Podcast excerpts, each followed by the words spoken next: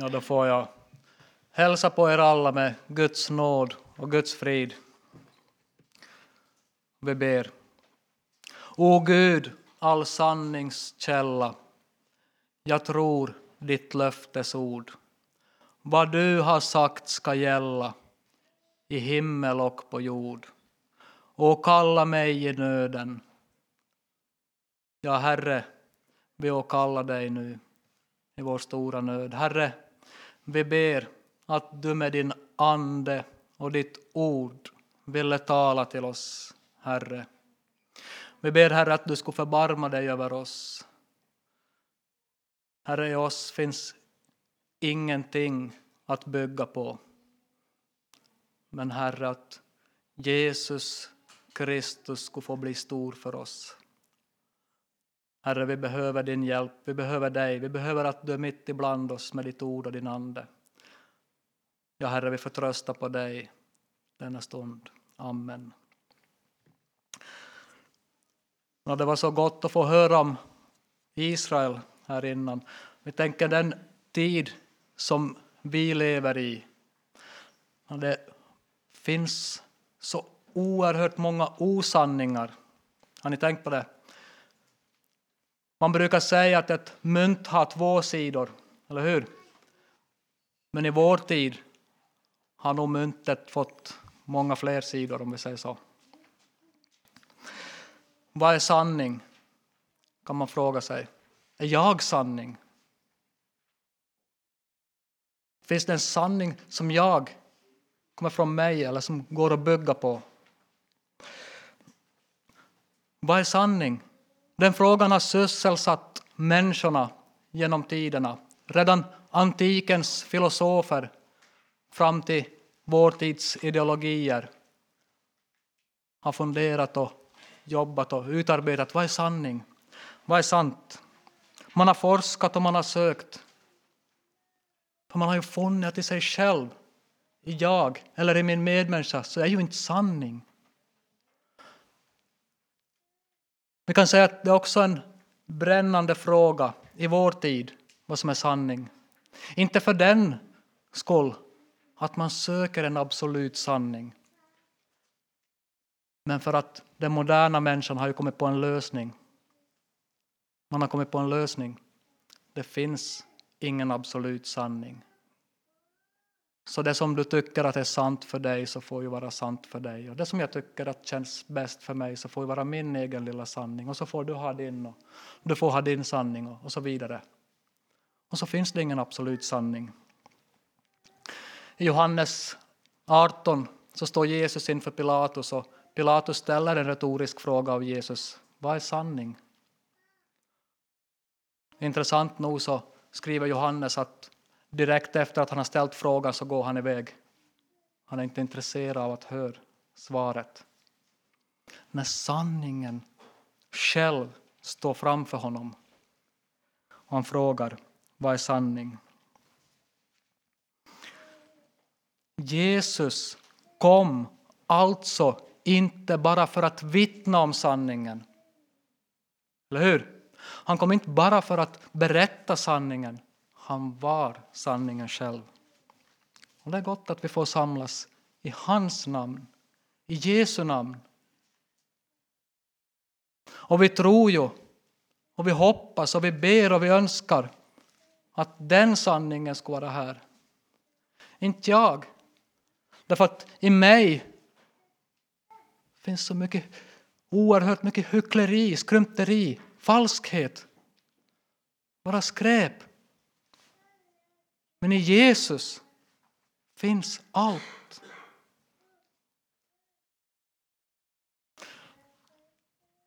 Så med den förtröstan, kära, att ni också ber Jesus vara här tillsammans med oss idag med sitt ord och med sin ande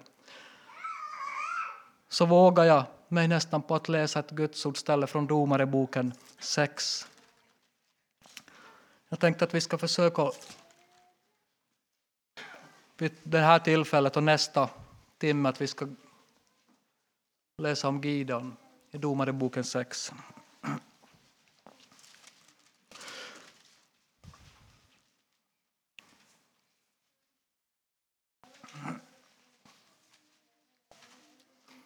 Så vi läser från början i Jesu, vår frälsares namn. Israels barn gjorde det som var ont i Herrens ögon och han gav dem i midjaniternas hand i sju år. Midjaniternas hand blev Israel så övermäktig att Israels barn på grund av midjaniterna gjorde sig hålor som nu finns i bergen och grottor i berg och bergsfästen. Så ofta israeliterna hade sått drog midjaniterna, amalekiterna och österlänningarna dit upp mot dem. De slog läger emot dem, överföll dem och fördärvade landets gröda ända fram till Gaza. De lämnade inget kvar att leva av i Israel, varken får, oxar eller åsnor. Ty de drog dit upp med sin boskap, sina tält, talrika som gräshoppor. De själva och deras kameler var omöjliga att räkna, och de kom in i landet för att fördärva det. Så blev Israel utarmat genom midjaniterna, och Israels barn ropade till Herren. Och när Israels barn ropade till Herren för midjaniternas skull sände Herren en profet till Israels barn. Och denne sade till dem, så säger Herren, Israels Gud, jag själv har fört er upp ur Egypten och hämtat er ut ur träldomshuset. Jag har räddat er från egyptiernas hand och från alla era förtryckares hand. Jag drev dem bort ifrån er och gav deras land åt er, och jag sade till er, jag är Herren, er Gud. Ni skall inte frukta de gudar som dyrkas av amoreerna, i vilket land ni nu bor, men ni lyssnade inte till min röst.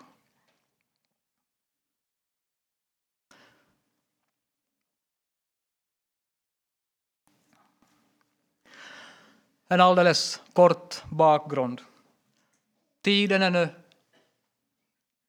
cirka 300 år efter uttåget ur Egypten. Alltså ungefär 1100 år före Kristus. Israel har ännu inte haft någon kung, utan det leds och styrs av olika ledare, domare.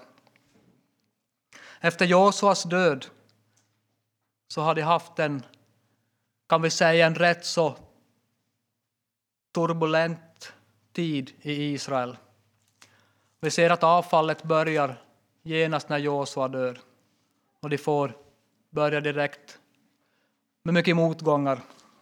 Men i sista versen i kapitel 5 så står det att landet hade nu ro i 40 år. De hade ro i 40 år.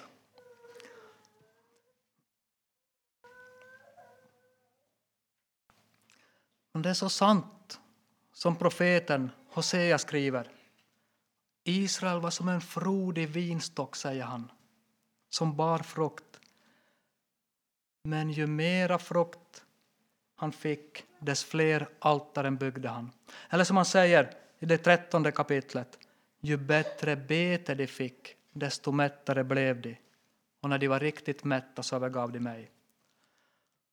Och jag tänkte att det här är nog lite sån är människan.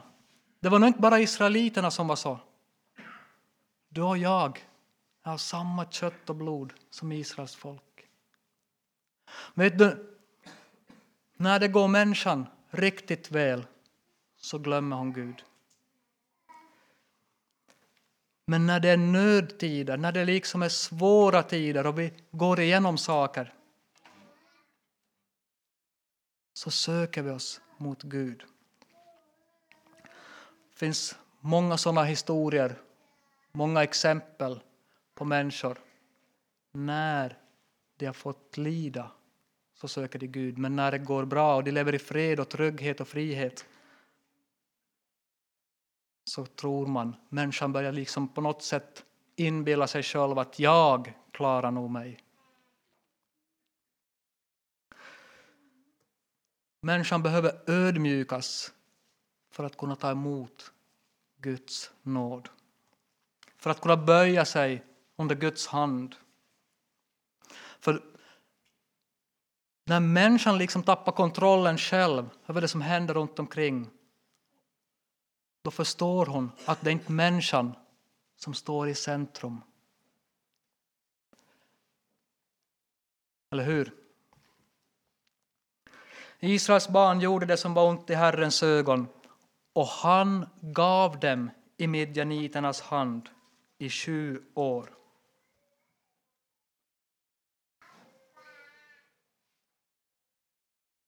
Han gav dem i midjaniternas hand i sju år. På grund av deras olydnad, på grund av att de gjorde vad som var ont i Guds ögon, så tillät Gud att midjaniterna fick härja i Israel. Han gav dem i midjaniternas hand. Vilken kärlekslös Gud, va? Hur kan han göra så? Han överlämnar ett, sitt eget folk i midjaniternas hand. Han gjorde det av kärlek. Därför att han ville, hans önskan var att de skulle omvända sig tillbaka. För han älskade Israel. Och han älskar Israels folk.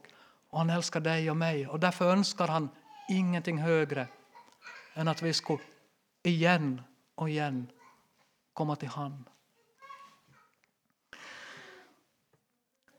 Då vill jag säga så här.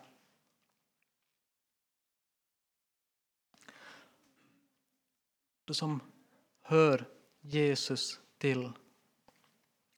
Du kommer också att gå igenom prövningar. Du kommer det.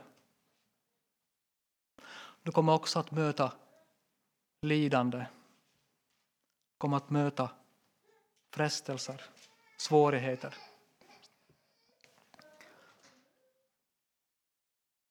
Sånt möter vi för att vi ska komma närmare Herren. För att vi ska söka oss närmare Herren. Jesus säger ju själv, ingen kan komma till mig om inte Fadern som har sänt mig drar. Eller kan vi komma? Tror vi att vi kan komma av egen kraft utan att Fadern drar oss?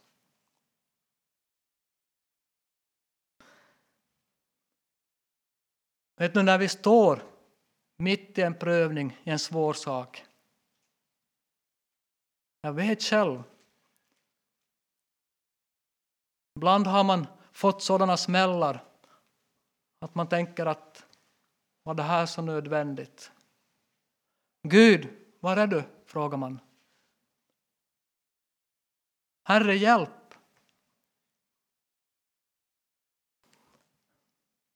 Så frågar jag varför Herre? Varför? Varför sätter du mig i sån lidande, sån nöd, sån hjärteångest? Varför får jag inte bara känna din närhet, din kärlek, din omsorg om mig? Jag frågar Herre, har du övergett mig? Och sa nej, jag vill bara dra det. Jag vill bara locka dig och dra dig till Jesus. Det är inte lätt att tänka så just när man står mitt i en prövning, mitt i en svårighet. Man blir nästan irriterad på Gud. Och så samlar man en till synd. Vet ni, det finns någonting som är värre än att du ska stå i en prövning och frestelse och motgång och lidande. Det finns en sak som är värre som, som Per nämnde i inledningen. Mannen vid Betesda damm. 38 år hade han väntat på att få hjälp och komma ner i dammen. Och Jesus möter honom och frågar vill du bli frisk. Vill du bli frisk? Jo, svarar han. Men ingen hjälper mig ner i dammen. Johannes berättar för oss att Jesus senare mötte honom på tempelplatsen och så säger Jesus, jaha, se du har blivit frisk. Och säger han, synda inte här efter så att inte något värre drabbar dig. Något värre än att ha varit lam i 38 år. Det finns någonting som är värre än att vi går igenom en prövning. Det finns någonting som är värre än att vi möter motgång och lidande. Det finns någonting som är långt värre.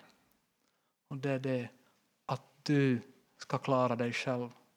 Att du ska tappa ditt behov, din behov, ditt behov av Jesus. Vet ni? Det är långt värre än att vara lam i 38 år.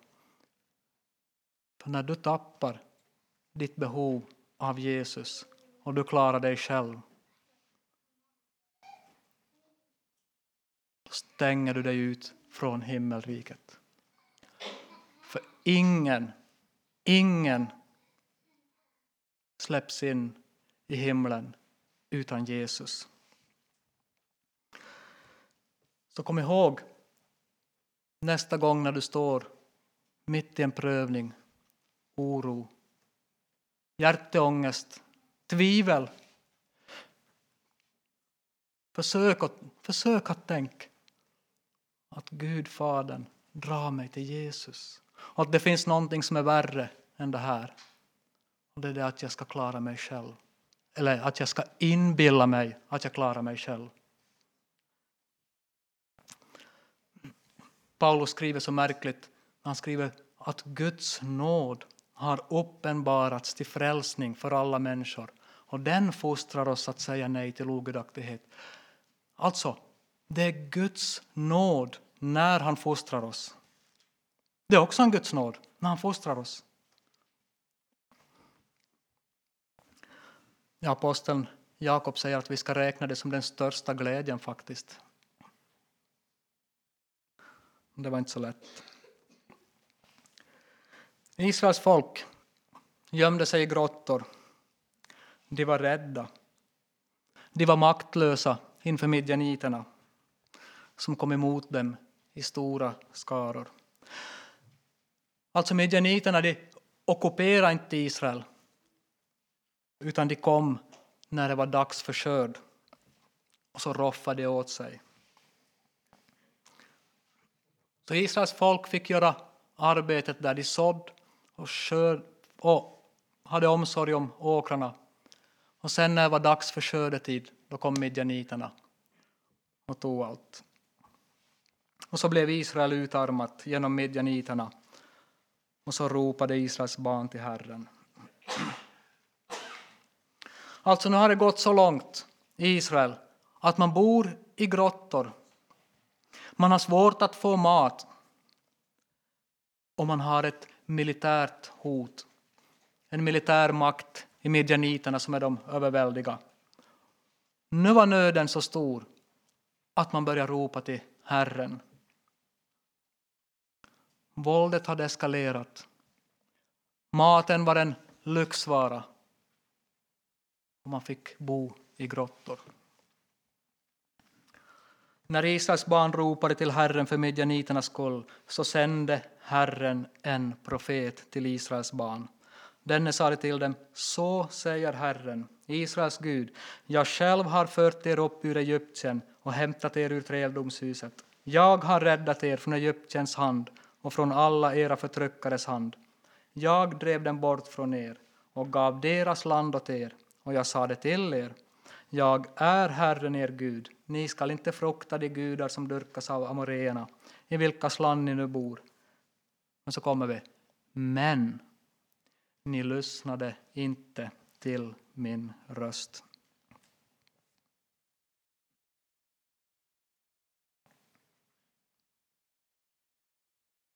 Israels barn är så stor nöd och nu ropar de till Herren. Och hur svarar Herren? Jo, med eld från himlen som förbränner alla midjaniterna, visst? Visst var det så? Nej, jag skulle bara se om ni var med. Nej, Herren sänder en profet till Israel som kommer med Herrens ord. Som påminner israeliterna om vad Herren har gjort när han räddade dem från Egypten, från slaveri och träldom. Och han påminner dem om vad han har sagt.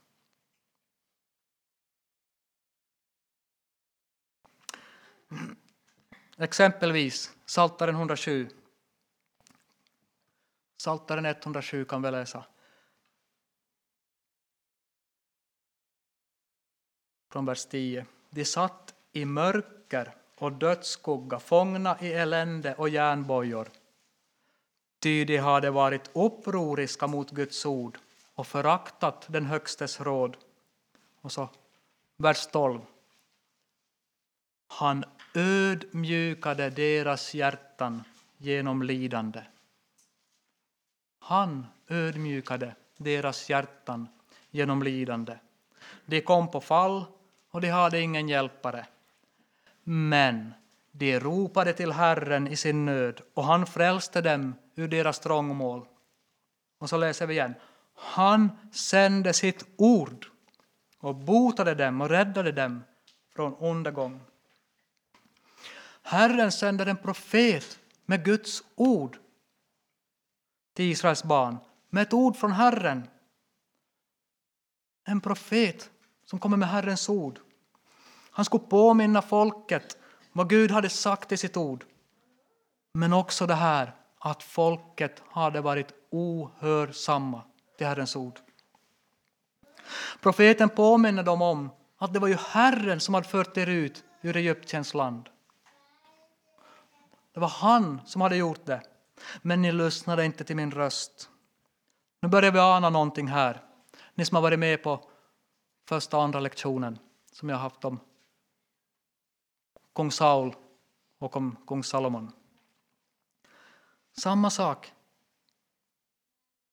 Samuel frågar och, sa, och kung Saul varför har du inte hört Herrens röst? Du har kastat dig över bytet. Du har gjort det som är ont i Herrens ögon. Kommer ni ihåg hur Saul slingrade sig? Han försökte försvara sig och skydda sig. Äh, var det så farligt? Det var ju bara en liten, liten sak. Det var ju och största, det var ju egentligen folket som gjorde det. var ju folket som ville. Det var inte jag. Så om vi stannar upp. Lyssna. Problemet i Israel är inte midjaniterna. Problemet i Israel är inte matbrist. Problemet i Israel är inte heller att de har ett militärt hot som står över dem. Problemet är inte corona. Problemet är inte Vladimir Putin. Problemet är inte inflation eller dyra matpriser. Problemet är att de inte hade hört Herrens röst. Problemet i vår tid borde ju vara samma sak.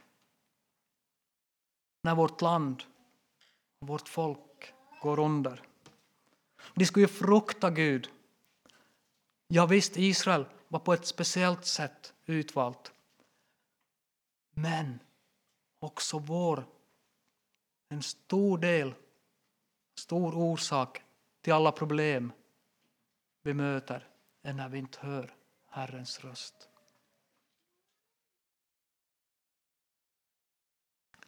Jag säger inte att allt beror på, men en stor del beror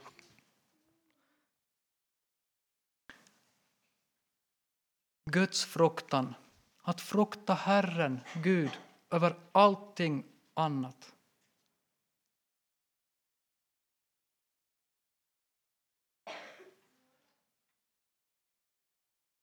Vad tycker ni? Har det gått bra att ha Herrens fruktan alltid över alltid över människofruktan. Eller att älska Herren Gud över allting. Att älska Herren Gud över mig själv. Att alltid sätta Herren först.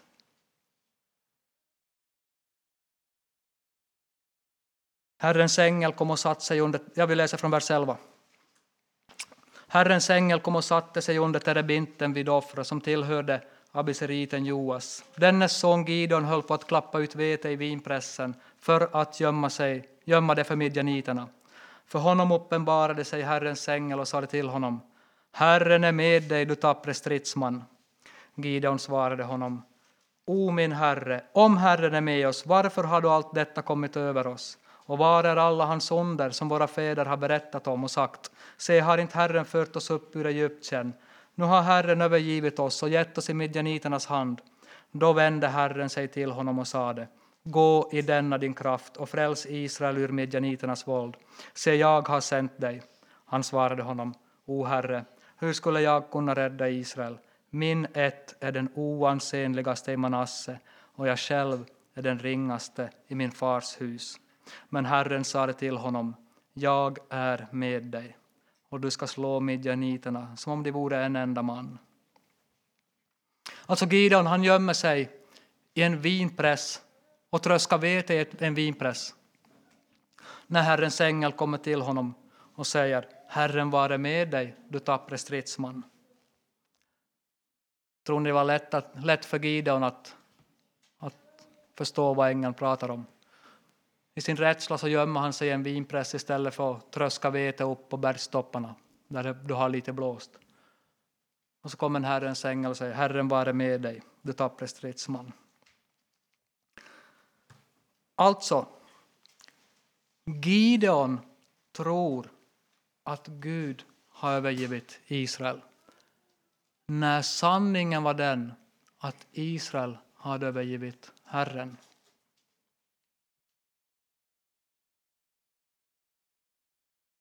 Gidon började klaga på saker och ting. Det var inte som det var förr. Som han har hört om hur det var på den tiden när Gud tog ut sitt folk. Vårt land är inte som det en gång har varit. Många erfar en otrygghet bara att gå ut i mörkret. Ni som är äldre kanske ännu kommer ihåg tider av väckelse. Tider när Herren på ett speciellt sätt tog ut folk ur syndens slaveri och träldom.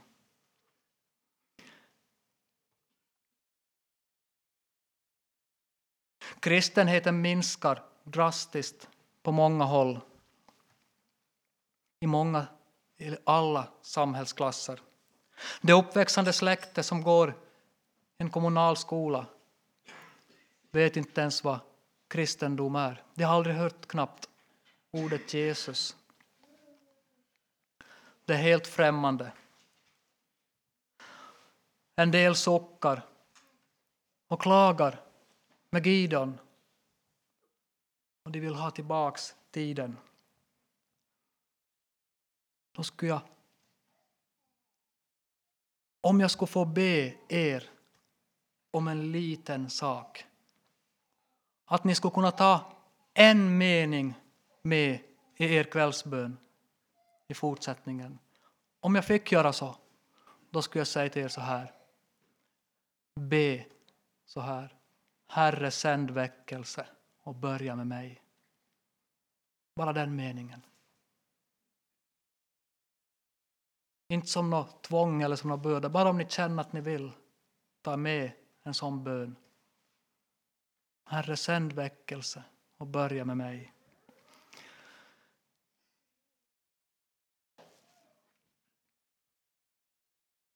Gå i denna din kraft och fräls Israel ur midjaniternas våld, se jag har sänt dig. Vad hade Gideon för kraft?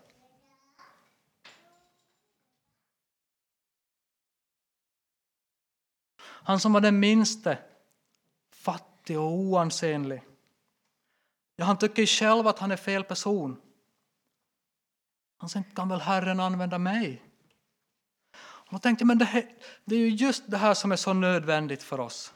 Visst, det är ju det här som är så oerhört nödvändigt för oss, att vi blir så små i oss själva. Så till intet, alldeles som Henrik Schager skrev, en poet, skrev 1929. I mitt intet jag funnit mitt allt uti dig. Så skriver han, och det blev sabbat hos sabbatens Gud. Men så länge jag sökte något gott utav mig, då var din sabbat bara ett krävande bud. Men när jag i mitt intet funnit mitt allt uti dig, blev det sabbat hos sabbatens Gud. Vi får bli mer och mer odugliga själv, mer och mer små, så att Jesus får bli stor. Vi får bli mer och mer stilla inför Herren, så att han kan verka, så att han kan bruka oss. Så lyssna. När världens ande lär er och säger bli stor, bli stark, uträtta något, gör dig ett namn. Och säger Herrens ande, bli liten, bli fattig, bli liten. Vet ni, ibland har jag tänkt så här. Om vi skulle ställa en fråga i alla bönhus och kyrkor, i vår, ja vi kan ta Norge. Hur många har bett om kraft, att Guds ande ska fylla mig och att jag ska få kraft? Jag tror att vi skulle se ganska många händer om vi skulle få ett ärligt svar. Så står Jesus och vinkar in på en annan väg och säger saliga är de som är fattiga i anden. Och då undrar jag att om vi skulle ställa frågan så här. Hur många har bett Jesus, gör mig fattig. De mig fattiga i anden.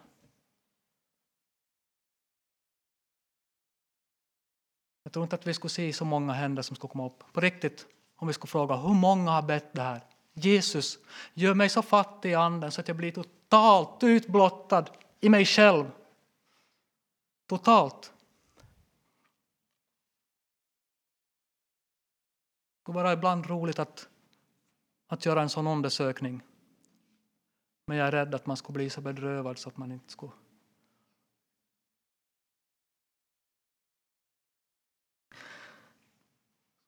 Bli fattig. Saliga är de som är fattiga i anden, för dem tillhör himmelriket. Sanningen om oss själva är ju att vi är fattiga. Men vi behöver ju få insikt om att vi är. För när vi blir fattiga i oss själva och fattiga i anden så finns bara en bön kvar. Ske din vilja. Människan försvinner och Gud träder fram. Och då förstår vi ju att Herrens väg går inte genom vare sig kraft, mänsklig kraft, mänsklig visdom. Men som vi sa igår, genom en inre ödmjukhet och enfald. Då kan vi förstå att Jesus tackar sin far och säger jag tackar dig, jag prisar dig far, att du har fördolt det här för de visa och kloka, men uppenbarat det för de små och enfaldiga. Då kan vi förstå varför Paulus säger att kraften fullkomnas i svaghet. Och Det är ju därför vi predikar korsets budskap. Och det är klart att det är en dårskap för världen som säger att ni ska bli stor och förverkliga er själv och förverkliga ditt liv. Nej. Och så att man istället blir en korsbärare. Men även om korset ibland skaver på skuldrorna och trycker så kommer varje korsbärare att snart upptäcka att det är Golgata korset som bär korsbäraren.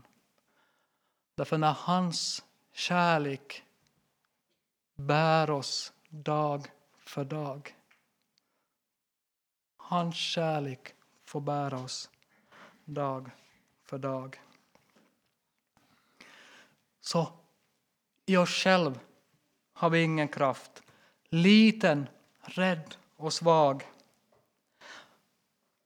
Men Herrens kraft och hans kärlek ska få bära oss dag för dag.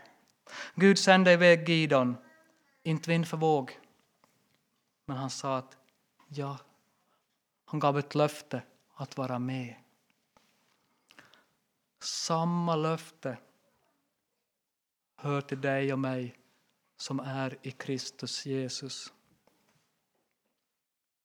Jag är med er alla dagar in till tidens ände. Så var inte rädd.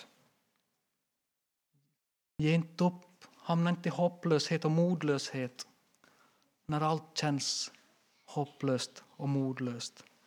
Ty kraften fullkomnas i svaghet. Så när jag är svag, då är jag stark. Mitt liv har inte något värde för mig själv, säger aposteln. Jag vill bara fullgöra, fullborda min uppgift som jag fått. Hjärtat var den i himlen. Känner det så? Att hjärtat redan kan få vara med på andra sidan. Amen. Ja, Herre, så tackar vi dig och prisar dig för att du är stor. Vi tackar dig, Herre, för att din kraft fullkomnas i svaghet. Och vi ber dig, Herre, att du i din stora nåd och barmhärtighet ville göra oss så små att vi skulle få orsak att oftare gå till Golgata och Getsemane för att se på den store, store stridshjälten, Herren Jesus. När han går den stora striden mot Satan själv. Ja, Herre, du sparar inte en enda blodsdroppe i din strid för oss. Och nu ber vi dig, nåderike Jesus, kärleksrike Far, att vi ska få ta skydd bakom dig när vi möter strid, motgång och svårighet. Framför allt i de andliga striderna, Herre. Att vi skulle få ta skydd bakom dig, du som gav allt för oss.